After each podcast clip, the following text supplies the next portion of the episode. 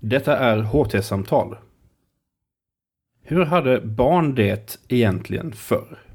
Och varför står det så lite om barn i våra historieböcker? Om detta pratar Eva Österberg, professor emerita i historia, med Isak Hammar i en inspelning från årets bokmässa i Göteborg. Då så eh, är det dags för oss att fortsätta med vårt eh, digra program här i Lunds universitets monter med eh, Eva Österberg. Välkommen! Tack! Eva är ju en välkänd historiker i samhället, eh, professor emerita vid Lunds universitet. Eh, har skrivit massa böcker om vänskap, om långa perspektiv nu senast och eh, den vi ska prata om idag, De små då, eller De små då. Eh, vi är ju ändå i Göteborg. Eh, perspektiv på barn i historien. Och Eva, vi... Alltså det är ett otroligt intressant ämne och det säger sig själv att det här handlar om barn i historien. Men du inleder ändå den här eh, boken med en nutidsbetraktelse mm. och med ett citat från Aron Gurevich, känd historiker, som skriver att när vi studerar en annan epoks historia kan vi inte låta bli att jämföra med vår egen. Så min fråga är då, behöver vi historien för att förstå nutiden, samtiden och i så fall varför medeltiden? Ja, alltså på den första frågan tror jag att jag svarar ja med en gång för att jag tror att Gorevic är inne på något väldigt viktigt. Hur ska vi kunna förstå oss själva om vi inte jämför med den andra? Som eh, filosofen Levinas säger, alltså den andra som vi inte får skada utan som vi bör känna till och kunna kommunicera med. En annan människa om man ser till den nära miljön. Och å andra sidan så behöver vi känna till inte bara de andra människorna utan andra kulturer. För det är ofta genom en slags jämförelse som vi får också en bild av oss själva. Så jag tror att han har, säger något fundamentalt riktigt. Men sen kan man ju ställa frågan varför just medeltiden? Och det har då speciella skäl och ett av dem är att faktum är att Europas medeltid, alltså efter kristnandet och fram till ungefär 1500-talet som vi brukar räkna har sett ut som, vad ska vi säga, idealbilden har gett upphov till antropologers och samhällsvetares teorier om det traditionella samhället. Det är liksom urtypen för det traditionella samhället. Och ofta då en väldigt mörk bild medan vi då går en vacker utvecklingsgång mot det moderna. Och den där bilden har alltid stört mig lite. Vad är traditionellt och vad är modernt? Men medeltiden kommer på det viset in väldigt strategiskt och om man då kan rucka lite på bilden av medeltiden så har man faktiskt också ruckat lite grann på den här tydliga kontrasten, dikotomin mellan det traditionella och det moderna. Och det passar ju inte minst i dessa tider när vi har, är i en internationell värld där vi kan se flyktingbarn fiskas upp av grekiska fiskare döda som har försökt komma iväg från krig och elände. Och där alltså vad ska vi säga, trycket från det som vi då brukar betrakta som mera traditionella kontinenter på vår västerländska värld har blivit så uppenbart. Vilket har gjort att det här är så levande för mig eh, och så smärtsamt på något vis. Hur har barn haft det? Hur har barn det nu? Och är det så enkelt det här med vi och dem och då och nu? Mm. Så jag vill krångla till det lite grann. Ja. ja. Men eh, vi fortsätter krångla till det då för att eh, här finns ju någon, en spänning här tycker jag, för jag är småbarnsförälder som du vet och man lever ju så otroligt mycket i nuet. Ja. Och när vi tänker på barn så kanske vi också tänker liksom nuet och sen framtiden. Men varför är då ett historiskt perspektiv så relevant, eh, tycker du, på barn? Just barn som... Ja, kanske därför att eh, barnen ju ofta är nonchalerade i historieskrivningen för det första. Jag menar, tänk efter era historieböcker, hur många rader stod det om barn? För ett antal år, nästan ingenting. Nu har vi till och med speciella institutioner i riket, bland annat i Linköping, för barnforskning. Så det kommer att ändra sig. Men fortfarande står det väldigt lite. Och då är det ju ändå så att barn är, har varit och kommer förmodligen alltid att vara ungefär en tredjedel av mänskligheten. Och barnen är framtidens vuxna. Så det är ohyggligt viktigt, och det vet ni alla, hur barnen får växa upp och vilka möjligheter de får. Och då är det väsentligt att också som historiker tackla de föreställningar som har funnits och som har gjort att man egentligen inte har skrivit särskilt mycket om barn.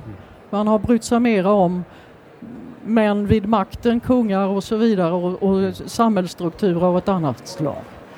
Men och på samma vis så har det då funnits en enda stor tes kan man säga lite mm. grann om att medeltiden var nattsvart också för barnen. Eh, så småningom ljusnade det framåt det moderna. Men det kanske du vill höra ja, mer om sen? Jag vill kan, ja. liksom hålla fast i det där, för en formulering som jag tyckte väldigt mycket om och fastnade för är att du skriver att du vill, du vill rucka på framgångstrappan ja. där nuet sätts i centrum. Ja. Vad, vad, vad menar du med detta? Ja, jag vill rucka på den bild som vi har mm. av det västerländska moderna som så att säga den högsta nivån man kan komma till och väldigt lycklig. Därför att man behöver ju bara titta ut i världen så är det inte så enkelt. Eh, så att det är ju själva verket en ganska avgränsad europeisk och nordamerikansk bild som eh, forskningen hittills har betonat när man visar på att det har blivit bättre för barn. För det är klart, idag har vi ju Ja, ni vet kanske att 1979 så införde till exempel Sverige som första land i världen ett förbud mot att aga barn även inom familjerna. Alltså i skolan hade det blivit förbjudet tidigare men även inom familjerna. Eh, och, och eh, tio år senare ungefär så kommer FNs barnkonvention som värnar om barnen och deras rättigheter. Och den ratificerade Sverige också som ett av de tidigaste länderna. Så att det, det har ju hänt så väldigt mycket i förhållande till eh, också detta med rättigheter och omtanke eh, med barnen mm i vårt moderna samhälle. Så det är väldigt lätt att se att det har varit positivt. Men det avtecknar sig då ändå ibland kanske som ännu mer positivt än vad det är. Just därför att man lägger den här eländiga medeltiden som en svart utgångspunkt och i förhållande till den så ser man då vandringen mot mm. ljuset så att säga. Och det mm. där tror jag är nyttigt för oss att ifrågasätta lite och alltså se en aning kritiskt även på vår egen tid. Och inte minst som sagt i ett globalt perspektiv. Jag får Rädda Barnens tidning som kanske många av er också. Och jag minns när jag hade börjat att tänka på den här boken så läste jag en artikel som handlade om en liten flicka i Afrika som eh, ville gå i eh, skolan som Rädda Barnen ordnade. Och det framgick då att hon och ett stort antal små barn gick varje dag fem timmar för att komma till den här byn där Röda Korset, Rädda Barnens eh, skola var. Och så fick de undervisning i tre timmar och en skål med gröt och vatten. Och sen gick de tillbaka igen fem timmar till sin by. Och på hemvägen fick de större barnen ha pinnar i händerna för att skrämma bort djur. Som flickan sa, hyenorna är värst. Mm. Och det är då i nutid som det är på det viset om vi tittar utanför vår egen idyll kan man säga. Ja. Så nog behöver man problematisera det här traditionellt och, eh, och modernt, mm. dåtid och nutid, både så att säga på längden och på tvären mm. eftersom det finns kulturer där man fortfarande lever kanske ungefär som på medeltiden. Och nu, omvänt ja. finns det det moderna i medeltiden i vissa avseenden också. Ja. Men nu är inte detta det enklaste att göra, även om man har Nej. viljan. Och du skriver ju att historien om barn i äldre tid riskerar att bli en, en skärvornas historieskrivning. Eh, kan du utveckla det? Alltså varför är det svårt att skriva om barn? För en historiker? Ja, så, ja, det är inte så svårt om man, om man gör senare perioder finns det ju mera material men medeltiden är överhuvudtaget svår att komma åt eftersom eh, det skriftliga materialet, eh, vi hade ingen folkbokföring och så vidare på den tiden. Så att man får leta lite i olika material. Och jag har då betraktat allt jag kunnat hitta som artefakter, kulturella artefakter, lämningar av en kultur som jag försöker förstå. Och då räknar jag in arkeologernas och osteologernas fullständigt suveräna resultat på senare år tack vare de här skelettforskarna med hjälp av naturvetenskapliga metoder som har grävt upp kyrkogårdar och kan bestämma ganska väl hur en medeltida population såg ut och bland annat se att spädbarnsdödligheten var jättehög. Men sen finns det då vissa litterära källor som Erikskrönikan och Karlskrönikan. Det finns en del dokument. Det finns predikningar, religiöst material från medeltiden. Men det är aldrig enkelt heltäckande om man säger så, utan det känns lite som att pyssla ihop mosaikbitar och försöka förstå ungefär hur det kan ha sett ut. Ja. Mm. Inom då tidigare forskning... Jag pratar för mycket, förlåt Nej, mig. Det är meningen. Det är meningen. ja. Tidigare forskning har ju då mycket utgått från Philip Ariès, barndomens historia, hans teser. Eh, det finns ju någonting som kallas den stora utvecklingsmodellen och jag tror du varit inne på den här. Men varför har den här bilden, alltså den här historiska bilden av barndomen, varför har den blivit så, barndomens historia, varför har den blivit så etablerad tror du? Alltså historiker... Ja, jag tror kanske därför att den var så slagkraftig och därför att han vågade. Det är en fransk forskare och han är en gigant på många vis. Fast jag kritiserar honom i min bok, men han är ändå en enastående forskare. Han vågade ta det här greppet att fundera över barnens förhållanden under flera hundra år. Och det är ju väldigt svårt att göra. Men då la han en slags tes att det var så här att det var bedrövligt på medeltiden. Barnen fick arbeta tidigt, de blev mycket misshandlade eller slagna, de fick mycket stryk. Eh, föräldrarna hade ingen sentimental, ömsint lek eller kärleksfullt med barnen. Och sen kommer då det moderna. Och det är klart att det var väldigt tacksamt för massor av historiker som då gick in mellan medeltiden och det moderna för att se efter när skedde övergången? När började det bli lite hyggligare? Eh, och en del betonade Rousseau, Emile och att barnen skulle få leka 1700-talet. Andra betonade slutet på 1800-talet när eh, både kvinnofrågor och allmänna och arbetarrörelsen kommer, alltså nya strömningar i samhället. Jag tror att den har funnits med den här tesen väldigt mycket därför att den är stor och magnifik. Den är järv och den gav så väldigt mycket möjligheter. Den gav en, en stomme och en frågeställning till en väldig massa forskare som kunde gå in på andra perioder och titta efter. Mm.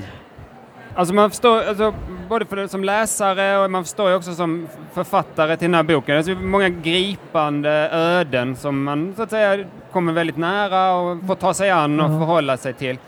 Och du har ju skrivit så ofantligt mycket och i olika genrer, olika stilar, akademiskt och mer liksom för den bildade allmänheten. Var det här ett speciellt ämne för dig? Alltså har du, har du tacklade du det som vanligt som författare och skribent eller var det här en speciell process? Ja, det kanske det var på sätt och vis. Jag berörde något i ett efterord i boken för att jag hade en syster som eh, dog för ett antal år sedan och som var lärare för utvecklingsstörda barn.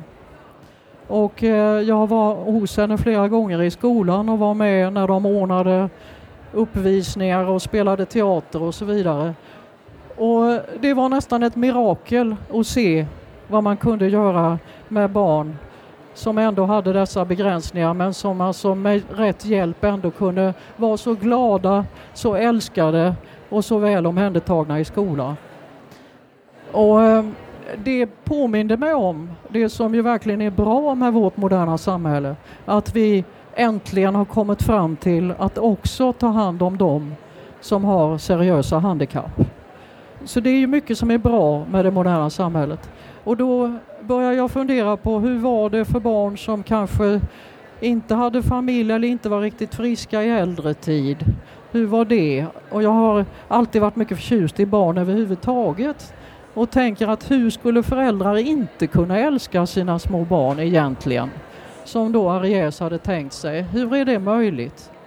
den här eh, personliga intresset och gripenheten över de barnen som jag såg min syster ta hand om eh, gjorde nog sitt till. Eh, mm. För att jag har känt att jag skulle någon gång vilja skriva mm. faktiskt om barn. Mm. Och det är ju bra märkvärdigt att vi ska ha ett historieämne där det nästan inte står någonting i böckerna om barnen.